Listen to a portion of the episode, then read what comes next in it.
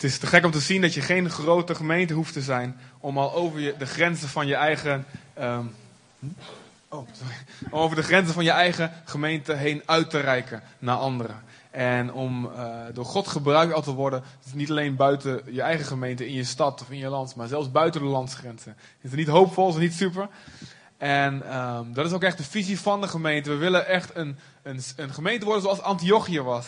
Die eh, niet alle zegen voor zichzelf hield. Maar van het begin af aan mensen uitstuurde. Waarvan Pau- Paulus uitgestuurd werd. Zeg maar. Een bedieningencentrum. Een centrum waar, ehm, waar meerdere eh, bedieningen uit ontstaan. Die niet alleen voor de lokale gemeente een zegen zijn. Maar voor het lichaam van Jezus wereldwijd. En we zien het gebeuren. En we zien dat Gods hand op deze gemeente is.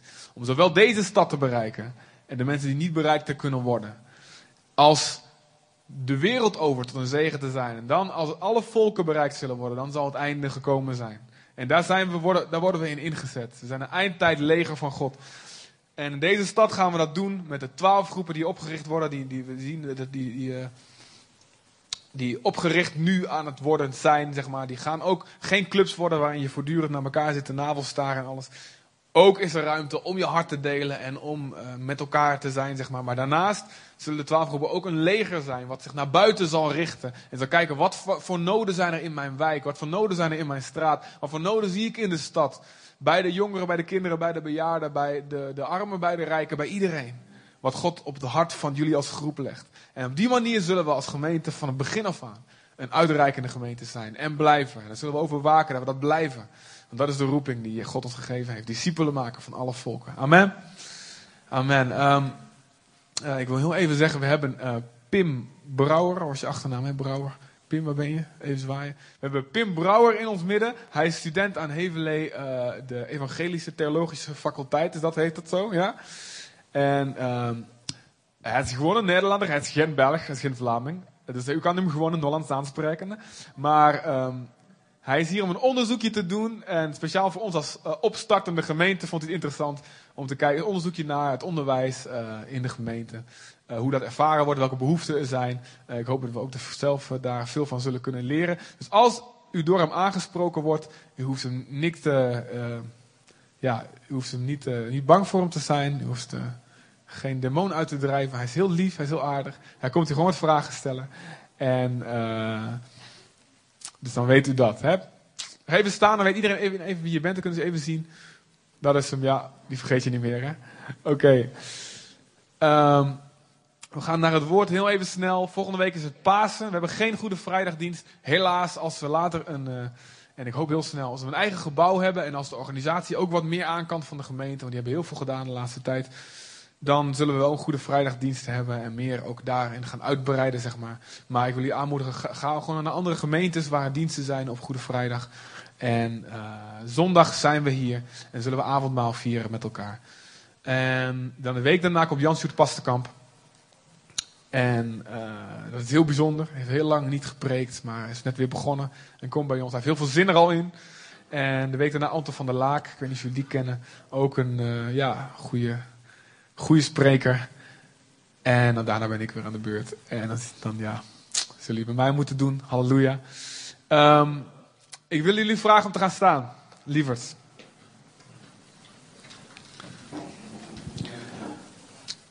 En als je wil, hef je handen op naar de Heer. Zeg u dank u, Vader, voor uw woord. Dank u wel dat u hier bent. Heer, dat u hier bent, Heer, om ons op te voeden, ons te corrigeren, ons te vermanen, ons te bemoedigen, ons te inspireren, ons te instrueren. Dank u wel, Heer. Hier zijn we. Laat uw woord vrucht dragen in mijn hart. En ik zal het nemen als een woord voor mij. En niet om te kijken naar de splinters bij andere mensen, maar bij de balk bij mij. En ik dank u wel dat u me bemoedigt, dat u ons bemoedigt, dat u ons opbouwt. Heer, en dat uw woord, Heer, sterk is als een hamer. En dat de sterkste tegenstand verbrijzeld zal worden. En we verklaren in de naam van Jezus, ook in de geestelijke wereld, dat dit woord in ons hart vrucht zal dragen. En dat we samen, door gehoorzaam te zijn aan het woord wat u geeft, de tegenstand in deze stad, in ons hart, in dit land, in deze wereld, verbrijzeld zal worden. En uw koninkrijk zal baanbreken in Jezus' naam. Eh, Amen. Yes. Alrighty. Even kijken waar heb ik mijn preek nou weer verstopt? Ja, hier is hij. Oké. Wie van jullie is bij geboren om vrij te zijn geweest de afgelopen dagen? Mag even ja, de handen zien. Meer dan de helft. Hoe was dat? Was het te gek of niet? Is het niet stoer dat we dat in Zutphen gewoon kunnen hebben? En dat... Uh...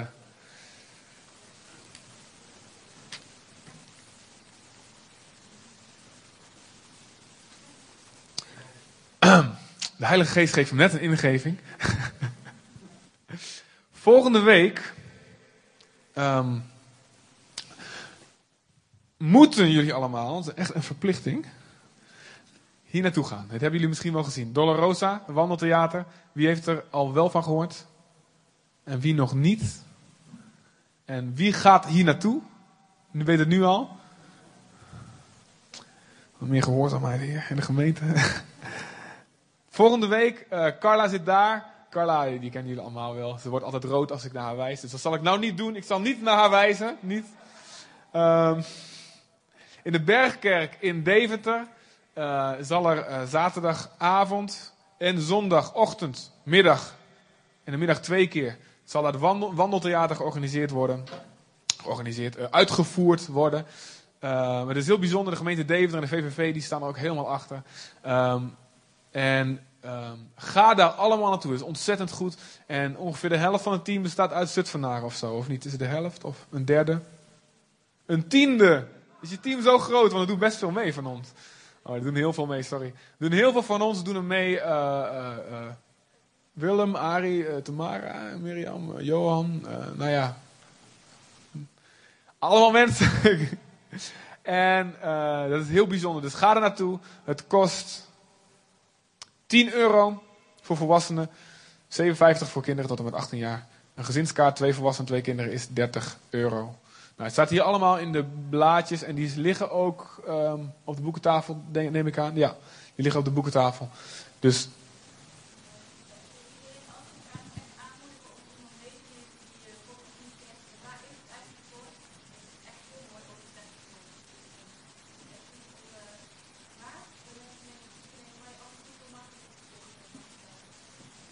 Amen. Heel goed, heel goed. Iedereen heeft kunnen horen hè, wat ze zijn.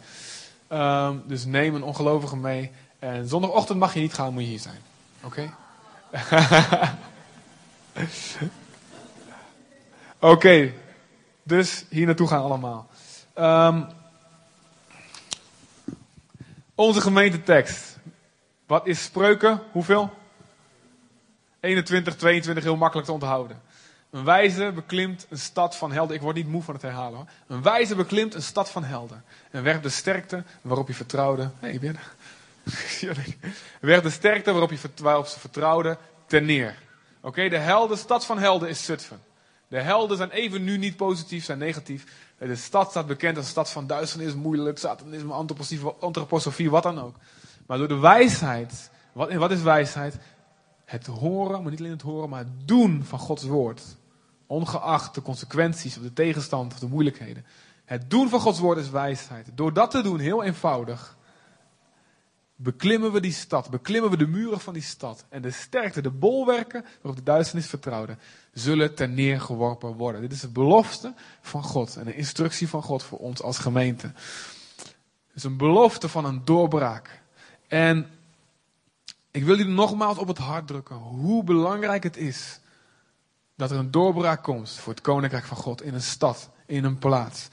De gemeente, en ik geloof het met heel mijn hart, de gemeente van Jezus is de hoop voor de hele wereld. De gemeente van Jezus heeft het antwoord. Ja, Jezus is het antwoord. Absoluut. Jezus is het antwoord voor deze wereld. Maar hoe heeft God gekozen deze, dit antwoord vorm te geven?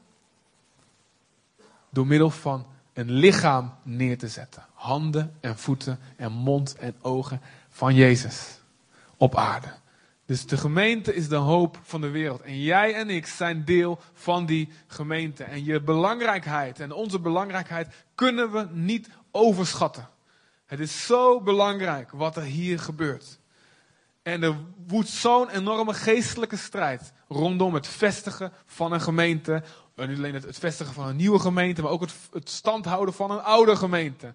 Daarom voert de Satan zijn beste aanvallen, zijn beste demonen stuurt hij op de gemeente af. Maar we hoeven niet bang te zijn. Jezus heeft alles, elke macht overwonnen. Aan het kruis zijn ze tentoongesteld, openlijk. Zijn ze ontwapend en heeft Jezus over ze gezegevierd. En Jezus zegt, de poorten van de hel kunnen niet standhouden tegen het leger van Jezus wat oprukt en aanvalt. En die poorten inneemt. Amen. Wij zijn het leger van God. Wij zijn een fundament en een pijler van de waarheid. We zijn niet zomaar een sociaal clubje. We zijn niet zomaar een gezelligheidsvereniging. We zijn het koninkrijk van God. En daarin gelden Gods wetten. Alle natuurwetten zijn ondergeschikt aan de geestelijke wetten van het koninkrijk van God. En we moeten dat beseffen met z'n allen. De kerk is de hoop voor de wereld. Er staat in Matthäus 11, vers 12. Daar staat: Het koninkrijk van God breekt baan met geweld. En geweldenaars grijpen daarnaar. En wat betekent dat? Het koninkrijk van God betekent oorlog. Betekent eigenlijk geweld. Maar niet letterlijk geweld, dat we elkaar in elkaar slaan. Zoals iemand net suggereerde over een kickboxschalen. Hè? Maar um, we zijn met geweld, als het ware. We moeten een gewelddadige geest hebben. En dan niet tegen mensen, want onze strijd is niet tegen vlees en bloed, maar tegen de overheden, machten en beheers, wereldbeheersers van deze duisternis. Dus tegen de demonische machten, tegen de duisternis, die invloed proberen uit te oefenen. Die invloed uit te oefenen op de hele wereld, maar die ook proberen op ons invloed uit te oefenen. Dus we moeten stand houden, we moeten een gewelddadige geest hebben. We moeten zeggen, ik tolereer niet dat duisternis de overhand heeft in mijn leven, in het leven van mijn broer en zus, in het leven van de gemeente, in het leven van deze wereld. We moeten gedecideerd vastberaden zijn en zeggen, we zetten onze voeten op deze grond en we gaan er niet af. We gaan er niet af totdat God dit land aan mij gegeven heeft. We moeten een gewelddadige geest hebben. Amen. Je zijn niet zo enthousiast. We moeten een oorlogzuchtige geest hebben. Amen. We moeten stand houden. We moeten zeggen, ik pik het niet dat de duivel wint. Ik pik het niet. Moet vuur, zoals Jezus van Jezus staat er, toen Johannes hem zag op pad, er kwam vuur uit zijn ogen. En zo moeten, als we hier aan denken, moeten vuur uit onze ogen schieten. En zeggen in Jezus' naam, dit is wat ik wil. En dan kost het me mijn leven. Ik vecht hiervoor. Ik vecht voor het doorbreken van het koninkrijk van God. Uw koninkrijk komen, uw wil geschieden. Zoals in de hemel, waar God een perfect koninkrijk heeft. Waar God een perfecte, volmaakte wil heeft. Zo wil ik dat het mensen met elkaar omgaan. Zo wil ik dat de gemeente is. Zo wil ik dat een, een stad verandert. Laat het zo ook zijn op de aarde. Die perfecte, volmaakte wil. En daar moeten we gewelddadig in zijn. En in liefde. Liefdevol gewelddadig. En gewelddadige geest betekent soms dus Zoals Jezus zachtmoedig zijn. Je laten mishandelen. Dat is een gewelddadige geest. In het koninkrijk van God. Omdat je weet, zo kan ik de duisternis overwinnen.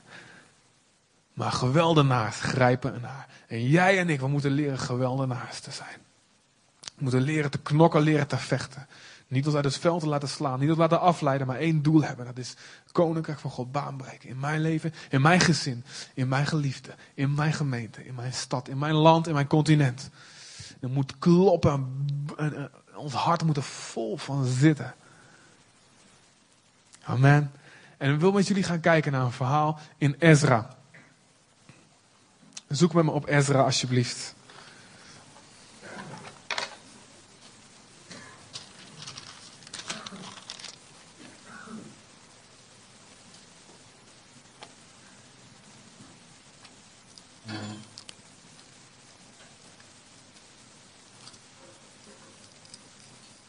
Ezra, Koningen, Kronieken. En dan komen een korter boekje Ezra, Nehemia, Esther, Job, Psalmen. Daar zit hij. Ezra.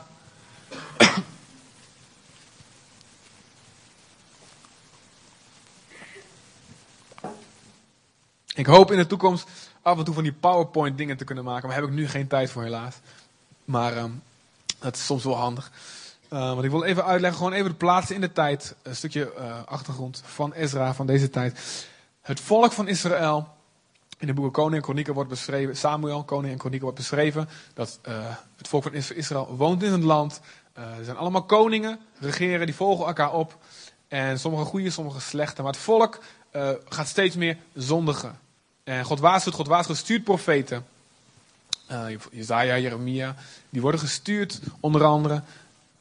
Elia, Elisa. Om het volk te waarschuwen, keer terug tot God. Het volk luistert soms, dan komt er een opwekking en opleving. Ehm, maar uiteindelijk uh, worden de zonden van het volk zo groot dat God heeft, gaat doen wat hij aangekondigd heeft in de wet van Mozes. Als jullie hardnekkig blijven uh, uh, rebelleren tegen mij, niet luisteren naar mij, dan kan ik jullie niet langer beschermen. En dan zullen jullie uit jullie land worden gehaald en naar een vreemd land gebracht worden. Dat is gebeurd. En, um, en dan worden ze gebracht, het, tien, de tien stammen van uh, het koninkrijk van God in twee delen, het koninkrijk van Israël is in twee delen opgedeeld. Tien stammen bij Israël en, tien, en twee stammen bij Juda. De tien stammen worden naar Assyrië gebracht, het huidige Syrië, waarin ze grotendeels in de volken opgaan en eigenlijk niet veel meer van ze gehoord wordt. En het koninkrijk van Juda en Benjamin en ook heel veel mensen uit andere stammen die er naartoe zijn gevlucht, die worden naar Babylonië gebracht, het huidige Irak. Uh, Nebukadnezar is een bekende koning. Na 70 jaar uh, wordt, uh, denkt God opnieuw aan zijn volk, zoals hij aangekondigd heeft, en brengt hij ze weer terug. En ze komen in verschillende groepen, komen ze weer terug naar het land Israël, waar andere volken zijn gaan wonen, andere volken ingeplaatst zijn. Um, en ze komen in golven, komen ze terug. En uh, Ezra beschrijft hier de eerste golf, waar hij zelf nog geen deel van uitmaakt. Uh, Ezra komt zelf vanaf hoofdstuk 7, komt hij zelf bij in. Nou, laat, na hem komt ook nog Nehemia, die komt later. Ze gaan de eerste tempel herbouwen, daarna de, de muren herbouwen, de stad herbouwen. en um, dit is dus de eerste golf, is in de, eerste, is in de eerste hoofdstukken van Ezra. En ik wil gaan kijken daar naartoe. Wat gebeurt hier? Het volk van God gaat bouwen aan het huis van God. Dus een exacte parallel voor wat wij hier aan het doen zijn. De tempel is vernietigd. Het volk van, eh, de stad van God is vernietigd. En je kunt eigenlijk zeggen dat de duivel, de duisternis, de zonde in de gebrokenheid in deze wereld heeft vernietigd wat God wil voor de mensheid. Wat God bedoeld heeft voor Adam met Adam en Eva, hoe je mee begonnen is. Het is vernietigd door de zonde. En als we kijken naar deze stad, 50.000 mensen, als we kijken naar deze regio, dan zien we, zoals Mariko net vertelde, van een huis tegenover haar. Dan zien we dat, dat, het, dat het stad van God, wat God wil, ligt in puin. En wij zijn gekomen en we willen bouwen aan de stad van God. Amen. En boven alles willen we dat dit gevestigd gaat worden. En dan kijk bijvoorbeeld, uh, en ik ga niet de hele stukken met jullie lezen, het zijn lange stukken. Lees thuis rustig dit na, uh, dit verhaal. Om er gewoon een beter beeld ook van te krijgen. Maar koning Kores, of Cyrus wordt hij ook wel genoemd in andere uh, vertalingen van zijn naam. Maar koning Kores staat hier. En dan hebben we het ongeveer over ongeveer 550 voordat Jezus geboren werd. 550 jaar daarvoor. Koning Kores in het jaar 536, 538 voor Jezus, voor Christus, zegt hij: laat de tempel van God in Jeruzalem herbouwd worden. Dat had te maken met zijn politiek. Hij wilde de gunst van de verschillende volken winnen. Hij had het koninkrijk van Babylonië overgenomen. En hij was een Perzische koning. Dus om even de moderne te zeggen. Israël was naar Irak vervoerd. En Irak werd zelf veroverd door Iran, door Perzië. En die koning kwam in Babylonië te regeren. En dit is de koning Kores. En die zegt, eh, ik wil bij de mensen in het goed uh, daglicht komen te staan. En uh, had ook over hem geprofiteerd met naam en toenaam. Dat hij degene zal zijn die het volk Israël weer terug zal sturen. En uh, hij zegt hier, laat iedereen die het huis van God wil gaan bouwen, gaan. En ze krijgen van mij geld, ze krijgen van mij bescherming. Ga en bouw dat huis, bouw de tempel van jouw God. En Dan staat er in Ezra 1, hoofdstuk, uh, vers 5.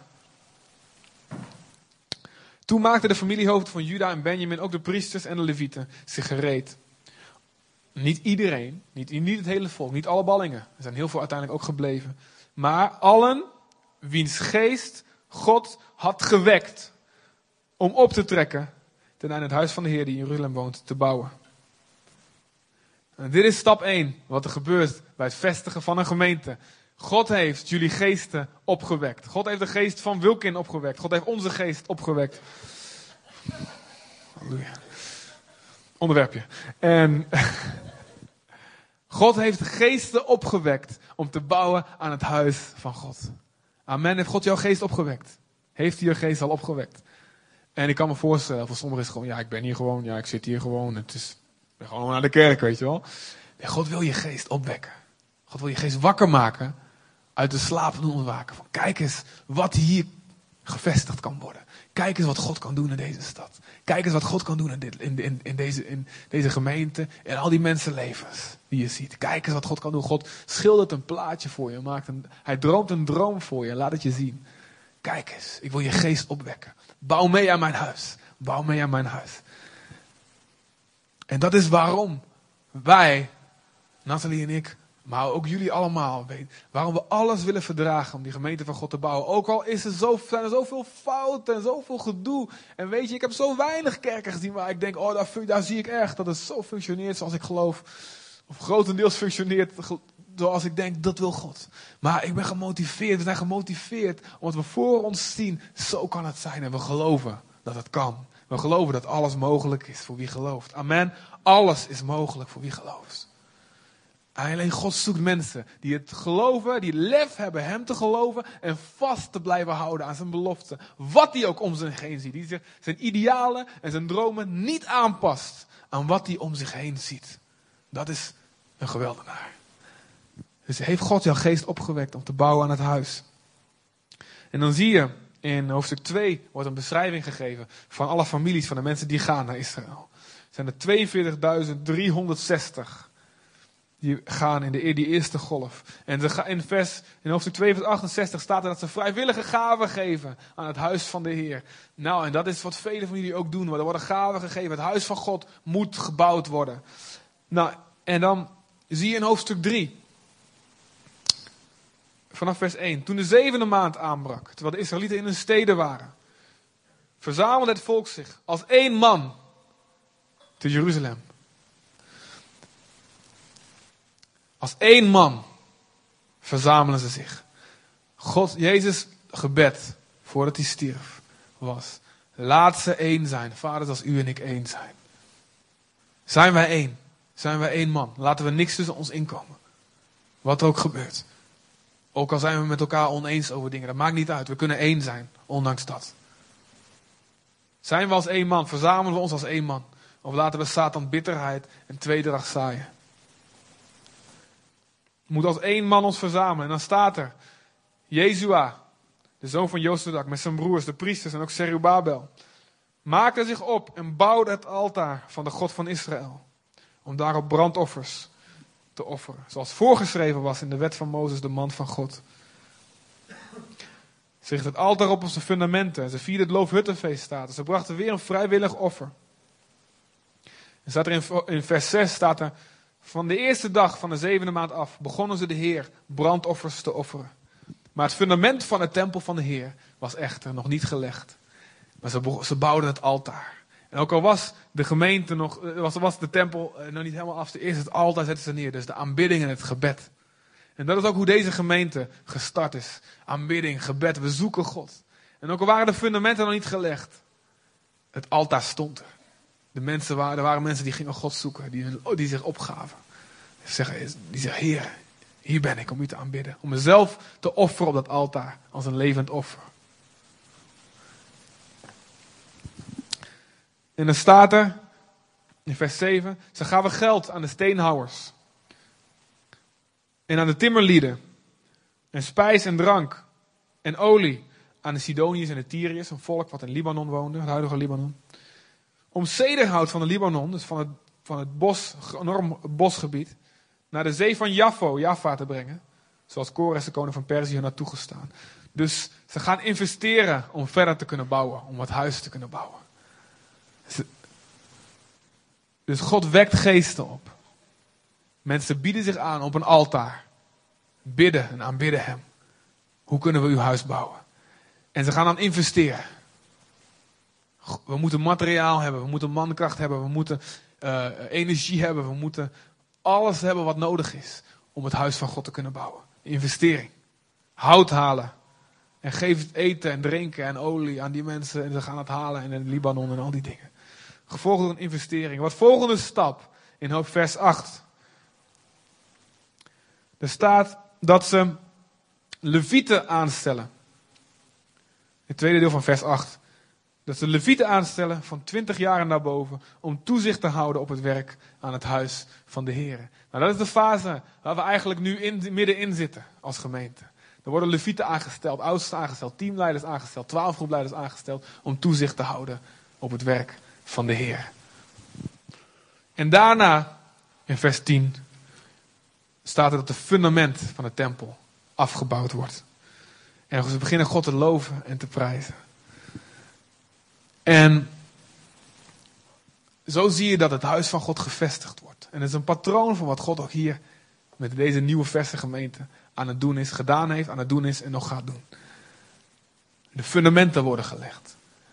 En dan staat er dat er ehm, oude mensen waren die de oude tempel nog gezien hadden. Het was ongeveer uh, eh, 66 of 68 jaar uh, geleden dat de tempel verwoest werd. Dus er waren nog oude mensen die de oude tempel gezien hadden, die ontzettend mooi uitzag met al dat goud en de dingen, de tempel van Salomo. En toen zagen ze die tempel, de stad van die tempel, een beetje zo'n krakkemikkig huisje en nog niet met al die mooie dingen. En ze begonnen te huilen. Oh, heer, kijk toch, wat is dit voor tempel? Oh, moet kijken, als ik het vergelijk met vroeger, hè, goede oude tijd.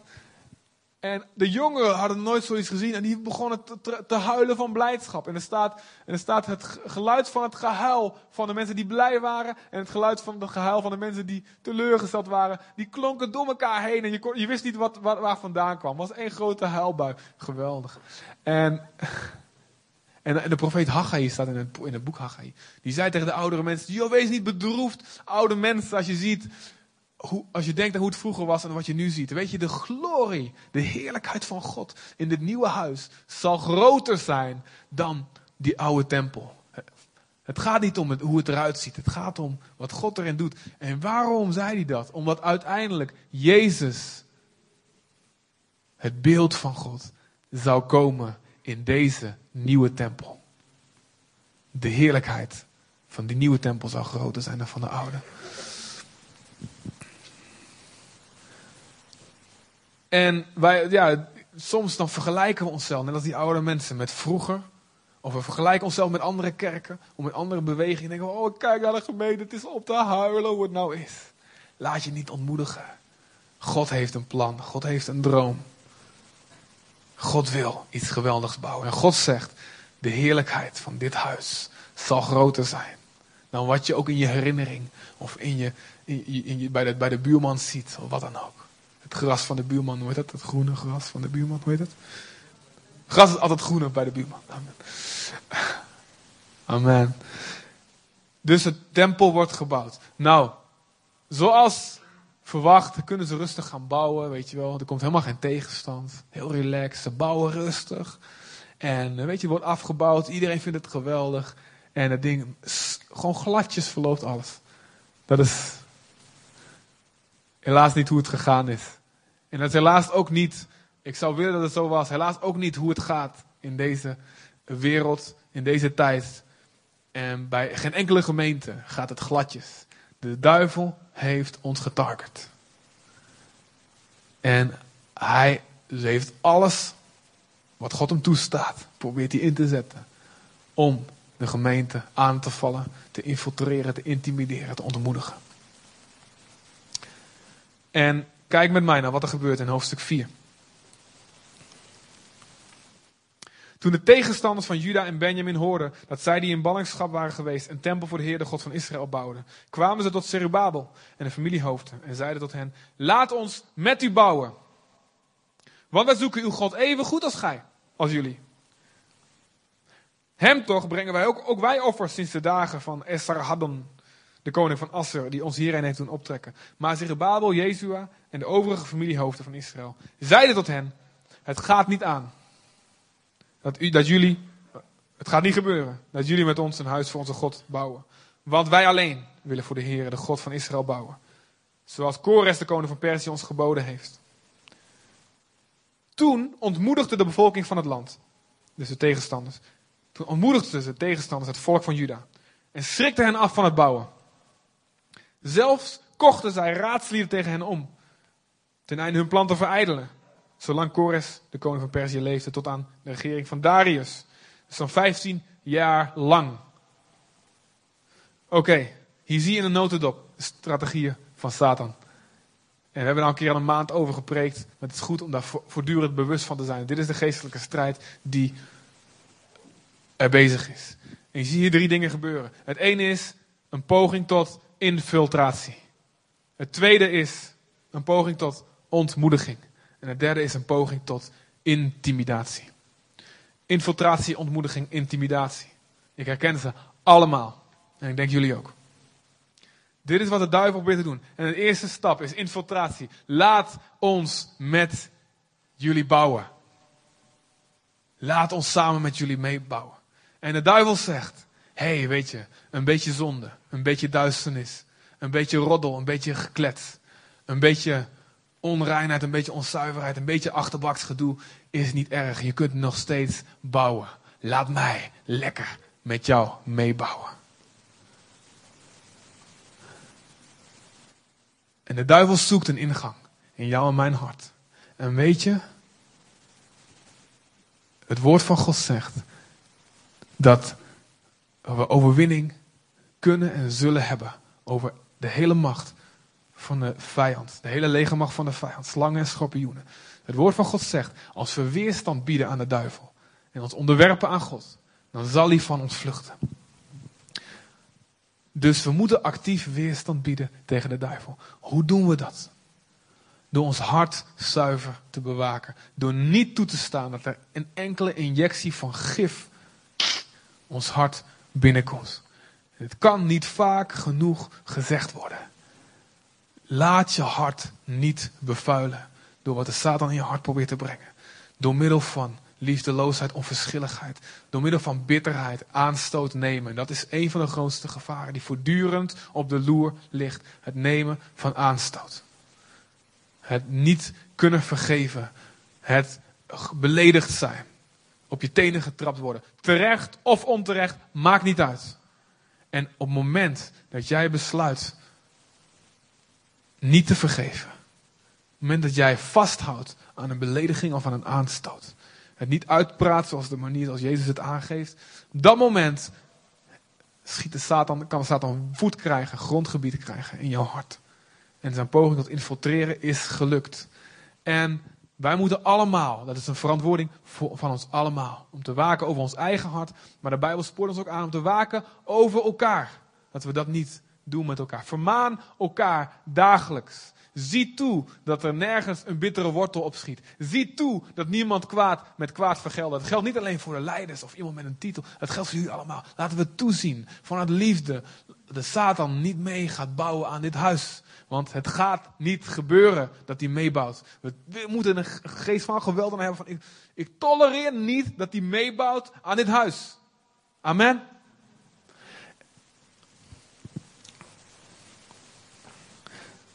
En weet je, we hoeven niet bang te zijn voor, voor Satan als we ons hart zuiver houden. Hé, hey, ik ben niet bang. Ik ben niet bang. Wat Wilkin gisteren zei, die conferentie of eergisteren. Luther wordt wakker, s'nachts, ziet de duivel aan zijn bed zitten. En hij zegt, oh, ben jij het maar. En hij draait zich om en gaat lekker slapen. Nou, Maarten Luther deed het ook. Deze Smith Wigglesworth deed het ook misschien. Dezelfde soort salving misschien. Maar we hoeven niet bang te zijn. De boze heeft geen vat op ons.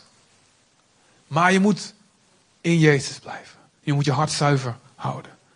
En dat betekent niet dat je voortdurend hoeft te zoeken. Oh, nee, vraag aan de Heer. Heer, ik wil mezelf niet voor de gek houden. Laat me zien. Ik wil alles. Ik ben bereid op 100% open te staan voor uw correctie. Of voor de correctie van anderen. Ik wil dat mijn hart zuiver is, Heer. Laat de duivel niet kunnen infiltreren in mij.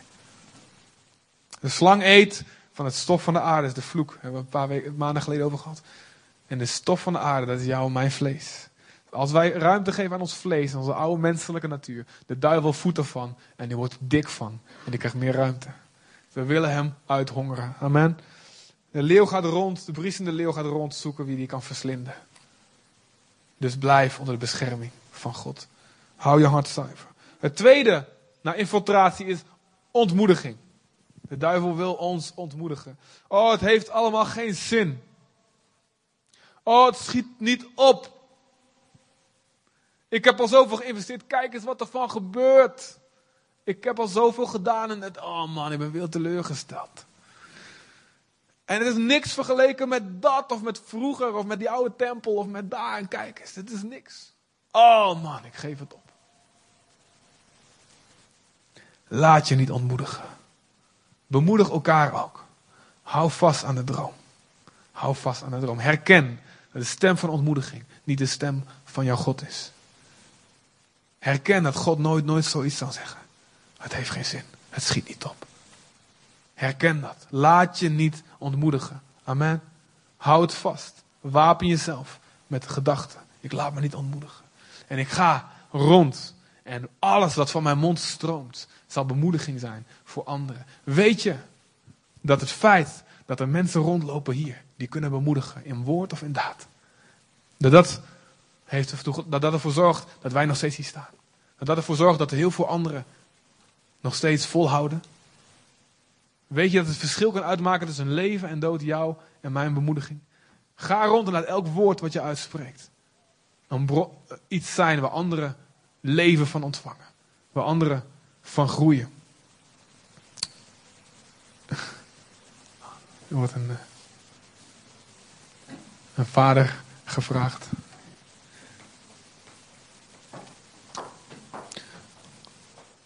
Infiltratie, ontmoediging. En het derde is intimidatie. En die lukte in dit geval. 15 jaar lang. Daarna kwamen de profeten. Nou, dat ga ik zo over. Dat vertel ik alvast. 15 jaar lang lukte het ze door intimidatie, door het afschrikken van het bouwen, om de bouw stil te leggen. 15 jaar lang. En er staat zelfs in 4 vers 23, met kracht en geweld werd de bouw aan het huis van God gestaakt. En dan, na 15 jaar, dan staat er in hoofdstuk 5 vers 1, dan staat er, maar de profeet Haggai en Zacharia traden bij de Judeërs die in Juda en Jeruzalem woonden op als profeten in de naam van de God van Israël. En toen gingen ze weer bouwen. Dus God na 15 jaar kwamen er weer profeten. En die zeggen, kom op, bemoedig je. uh, ga daarvoor, ga weer verder bouwen. Zie je wat een gave God aan de kerk geeft door middel van profeten. Mensen die de woorden van God doorgeven. Waardoor ontmoediging en intimidatie gebroken wordt. Maar intimidatie is een reële kracht. Angst voor de consequenties als jij het woord van God doet, als je die wijsheid betracht. Angst of onzekerheid. En angst en onzekerheid is geen zonde, maar het kan wel je in paniek laten, laten raken, waardoor je gaat zondigen. Waardoor je niet meer gaat vertrouwen op God. En in je angst en in je keu, in je onzekerheid. En als de duivel je aanvalt en pijlen op je afstuurt. En je bang maakt en je intimideert. Stop, stop er maar mee. Want kijk eens hoe moeilijk het is. Um, wat wil ik zeggen? In die, als die pijlen op je afkomen van angst en intimidatie, heb je de keuze. Oké. Ik kan in mijn angst nu mijn rug naar God toekeren. Of ik kan naar hem toe gaan. En ik kan me sterken in de Heer mijn God. En ook al ben ik bang, ook al ben ik onzeker, ik doe wat God me opdraagt. Do it afraid. Weet je wel? Dat is moed. Terwijl je bang bent, terwijl je onzeker bent, ga daarvoor. Laat je niet intimideren. Maar doe, hou vast aan de wil van God. En sommigen van jullie moeten moeilijke besluiten maken. Moeilijke besluiten waarvan je weet, God vraagt dit van mij. En het kan niet zijn in de positieve een bepaalde stap zetten, een stap in geloof zetten, iets nieuws beginnen, een nieuwe baan, een nieuwe iets om op te richten. En het kan zijn in het negatieve. Je moet stoppen ergens mee. Je moet dingen loslaten. Je moet misschien wel mensen loslaten. Je moet keuzes maken waarvan je weet, God zegt dit. Wees niet bang. En laat die angst je niet, er niet toe leiden dat je gaat zondigen, dat je van God afgaat. Maar laat die angst je uiteindelijk drijven. Dat je dichter bij God komt en de juiste beslissing blijft maken. Dan zie je dat de, dat de bouw 15 jaar stil ligt. En dan gaan ze opnieuw bouwen. In vers 3. In vers 2 staat dat, hè. Dus uh, toen maakte Zerubabel en Jezua maakten zich op en begonnen. Dat betekent niet dat ze naar de spiegel gingen en wat make-up op gingen doen. Dat is anders soort opmaken. Uh, er staat, ze maakten zich op. Ze maakten zich klaar. En ze begonnen te bouwen aan het huis van de God die in Jeruzalem woont. En de profeten van God stonden hun met hun hulp terzijde. Daar heb je weer die bemoedigers. Ik zie ze voor me, een paar van die gasten aan het metselen, weet je wel. Ah, zwoegen, zweten en al die dingen. En er staan er een paar van die mensen naast. Halleluja, ga ervoor. Ja, til nog wat. Weet je wel, ja, werk wat harder, werk wat sneller. Zo'n soort bemoediging zal geweest zijn. Die profeten hebben een makkelijke baan, weet je wel, maar die zijn hartstikke nodig. Dus sta als je anderen ziet hard ziet werken, help een beetje mee, maar ga ook als een profeet aan de kant staan. Kom maar, kom maar, kom maar. Kom maar, Henry, nog meer jou? Nee, nee, Henry moet je helpen. Maar zie, eh, eh, straks van die stoel opruimen, weet je wel. straks zie ik ze allemaal zitten aan de kant. Kom maar, ja, nog een stapel, ja. Nee, meehelpen met die stoelen, hè, kom op. Maar je ziet dat de profeten van God staan met hun hulp terzijde. Maar in diezelfde tijd, wat gebeurt er? Kwam Tatanai, het lijkt wel tongentaal, Tatanai. En een stadhouder van het gebied over de rivier. Tot hen met Setarabosnai. Halleluja. En hun ambtgenoten. En zij spraken tot hen al dus. Wie heeft jou bevel gegeven dit huis te bouwen? Deze muur te voltooien? Wie heeft jou gezegd dat dit gaat gebeuren? Wie heeft jou gezegd dat deze gemeente de stad gaat bereiken? Wie heeft dit aan jou gezegd? En ze zeiden, wat zijn de namen van de mannen die dit gebouw bouwen? Ik weet waar je huis woont. Maar het oog van God rustte op de oudste van Judeërs. Zodat zij hen de arbeid niet deden staken, totdat het bericht naar Darius was gegaan. Wat gebeurt er? Er komen mensen er komt een stem en die zegt: Wie heeft jou gezegd dat dit gaat gebeuren? En wat doen ze? Ze zeggen: Vraag na bij de koning. Vraag na bij de hoogste autoriteit in het land of dit wettig is wat wij doen. Vraag het na. Dus dan sturen zij Tatanaien, Setarbosnai, die sturen een brief naar de koning in, Babylon, de Perzische koning. Is het wettig wat ze doen? Ze zeggen tegen ons dat het mag. Ze zeggen tegen ons dat zoveel jaar geleden Kores hun toestemming gegeven heeft. En er wordt er onderzoek gedaan in hoofdstuk 5, een hele brief. Een van de gedeeltes van de Bijbel die in het Aramees geschreven is en niet in het Hebreeuws. En er wordt onderzoek gedaan of er werkelijk, in hoofdstuk 5, vers 17, of er werkelijk vanwege koning bevel is gegeven. En dan gaan ze zoeken in de boeken. En dan zegt de koning, de koning Darius, vinden ze inderdaad het bevel van de koning. Ze gaan zoeken in de woorden van de koning. En wat is, wat moeten wij doen als de stem tot ons komt? Wie heeft jou gezegd? Zo'n stem is het dan. Wie heeft jou gezegd dat het gaat gebeuren? Wie heeft jou gezegd dat dit gaat lukken? Wie heeft jou gezegd dat dit huis gebouwd mag worden? Misschien wil God wel dat Zutphen in duisternis blijft. Misschien wil God wel Nederland oordelen omdat ze ongehoorzaam zijn. En al die goddeloze wetten hebben, uit, hebben neergezet hier. Dus God wil dit misschien helemaal niet. Of kijk eens wat een zondig zootje, wat een stelletje ongeregeld. Wie heeft gezegd dat dit gaat lukken? Wat moet je doen? Halleluja. Halleluja. Ook. Hier ben ik Heer, knecht, luistert. Nee.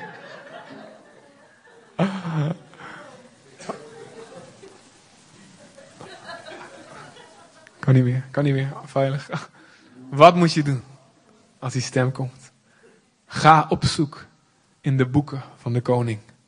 Ga op zoek in de woorden van de koning. Wat zegt de hoogste autoriteit in het koninkrijk? Wie is de hoogste autoriteit? Is het minister-president Jan-Peter Balkenende? Is het Hare Majesteit de Koningin Beatrix der Nederlanden? Van Nassau tot, tot Oranje, weet ik veel. Is het Kofi Annan? Oh nee, wie is hij nou? Die Koreaanse kerel. Het, de hoogste autoriteit in ons koninkrijk is Jezus. De hoogste autoriteit, de woorden van de koning staan hier. En dit is wat God gesproken heeft. En wat heeft God gesproken? Wat staat er hier? Wat staat er hier? Er staat, en dan gaan we lezen. 5 vers 6. Ezra 5 vers 6. Bijna klaar. Nu dan, Tatanai en Setarbosnai. Jullie, de ambtenaren van het gebied over de rivier, jullie moeten je verhouden vandaar. Vijanden van God, je moet je verhouden van de bouw van dit huis. Laat de arbeid aan het huis van God toe. Laat het werk aan het huis van God toe. De stadhouders van de Judeërs en hun oudsten mogen dat huis van God op zijn plaats bouwen. En tevens is door mij het bevel gegeven aangaande hetgeen jullie doen zullen aan deze oudsten bij de bouw van dit huis.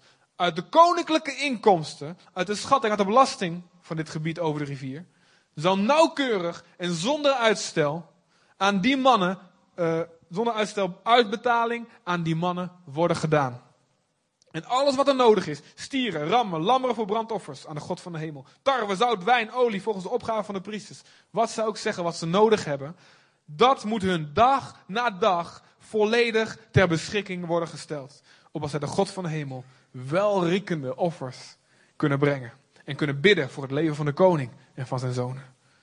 En voorts is er door mij bevel gegeven dat van ieder die dit besluit overtreden zal, een paal uit zijn huis zal worden gerukt. Zijn we even blij dat we in stenen huizen wonen. Opdat hij daaraan gehangen en vastgeslagen worden.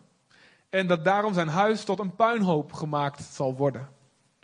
De God nu, die zijn naam daar heeft doen wonen, laat die iedere koning en elk volk neerstoten, die als overtreders hun hand uitstrekken om dit huis van God Jeruzalem te verwoesten. Ik, Darius, heb bevel gegeven. Laat het nauwkeurig worden uitgevoerd. Wat zegt de Allerhoogste Koning over ons en over jouw leven? Als jij aan het bouwen bent aan het Koninkrijk van God in jouw leven. Hij, hij zegt drie dingen. Dit huis van God, laat dit gebouwd worden. En als in jouw leven, zegt God, en in onze gemeente, zegt God, dit huis, laat het gebouwd worden. Het zal gebouwd worden. De poorten van de hel kunnen niet blijven staan. Ik zal mijn gemeente bouwen. En God zij dank, de God zij dank die ons altijd in elk opzicht leidt in de overwinning, zegt Paulus. Amen. Dit huis zal gebouwd worden. Zet je voeten op de grond. Niemand zal stand houden. En het huis van God, Daniel 2, vers 2, de gemeente van Jezus, zal worden als een grote berg die de hele aarde vervuld staat. Er staat in handelingen dat de gemeente de hele wereld in opschudding brengt. En dat iedereen het woord van God horen zal. Dit is wat God gaat doen in deze stad, in dit land. En ik laat het niet los. En ik hoop en ik geloof dat jullie met mij ook dit nooit los zullen laten. Dit huis zal gebouwd worden. En het geldt ook voor je persoonlijk leven. Bouw jij aan het koninkrijk van God in jouw leven. Het huis zal gebouwd worden. De alle machten van de hemel staan achter jou. En Gods woord is, het zal gebeuren. Amen. Ook al geloof je het niet meer, ben je de hoop verloren. Denk je, dit kan nooit meer. Dit is, ik ben te ver weg. Het zal gebouwd worden. En het tweede wat, wat er staat. Laat in alles wat er nodig is, laat er voorzien worden. En God heeft ook gesproken. Alles wat nodig is, daarin zal voorzien worden. ik zat een keer in een auto, ergens tussen, ik weet niet meer, richting Urk of zo. Of richting, ja, ik moet ergens spreken, Urk. En God sprak tot me. Er is altijd genoeg geld voor liefde. Ik was me zorgen het maken over allerlei dingen. Alles wat ik in jouw hart leg, vanuit liefde voor mij of voor anderen. Alles wat ik in je hart leg, daar zal altijd genoeg geld voor zijn. Nou, dat is nogal een woord en ik moet leren daarin te staan, heel vaak. En wij als gemeente, en waar wij allemaal moeten leren te staan, dat is wat God wil. Er zal altijd genoeg zijn om te bouwen wat je vanuit liefde wil bouwen. Als je aan de gemeente wil bouwen. Er zal altijd genoeg zijn. Een werk gedaan vanuit Gods hart. Gods werk, gedaan op Gods manier, zal nooit een noodlijdend werk zijn. Amen. En het geldt ook voor je huis en voor je gezin. En voor de dingen die God op je hart legt. God zal voorzien. Laat, dit is het woord van God. Laat in alles wat nodig is voorzien worden. Nauwkeurig en zonder uitstel. Precies wat je nodig hebt en precies op de tijd. En het derde wat er gezegd wordt. Iedereen die hier tegenin gaat. Zijn paal uit, paal uit zijn huis wordt getrokken. En dan wordt er aan vastgeslagen. Geen enkele vijand die tegen je opstaat zal blijven staan. Het staat in Jezaja 54. Elk wapen wat gesmeed wordt tegen jou zal te gronden gericht worden, zal verdelgd worden. En elke tong die in een rechtszaak tegen jou opstaat, die zal in het ongelijk gesteld worden. Niets kan jou overwinnen. Als je staat in de wil en het woord van God. Als je je hart zuiver houdt. Als je niet laat infiltreren. Niet laat bemoedigen. Niet laat, niet laat ontmoedigen. Niet laat intimideren. Dan is het woord van de Allerhoogste Koning staat achter jou. En niemand kan jou stoppen. En niemand kan ons stoppen. En dan staat er: Ik, God Almachtig, heb bevel gegeven. Laat het nauwkeurig worden uitgevoerd. En alles in de hemel en aarde onderwerpt zich aan dit woord van God. Amen. Amen. Laten we staan.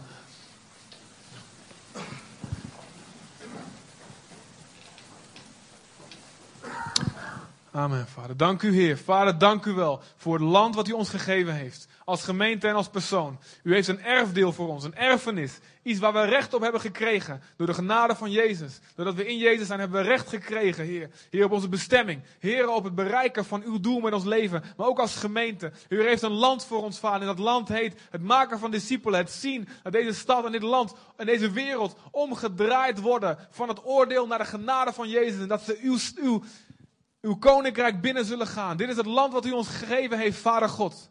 Voorziening voor alles wat uw liefde in ons hart legt, Vader. Dit is het land wat u ons gegeven heeft. En we zetten onze voeten erop en we zullen ons erfdeel niet laten afpakken door tegenstanders die willen infiltreren in ons hart. In Jezus' naam. We zullen ons niet laten verleiden tot bitterheid of tot wat voor in andere infiltratie of tot ontmoediging of tot intimidatie. Maar we zullen u volgen, Heer. En we danken u wel, Heer. Dat de glorie, Vader. Heer, uw heerlijkheid, uw aanwezigheid, uw kracht, Heer. Uitbarstingen van blijdschap, uitbarstingen van kracht plaats zullen vinden in ons leven, in ons midden. Dank u wel, Heer. Dank u wel, Heer, dat uw woord achter ons staat. En niks ons hieruit kan krijgen. In Jezus' naam. In Jezus' naam.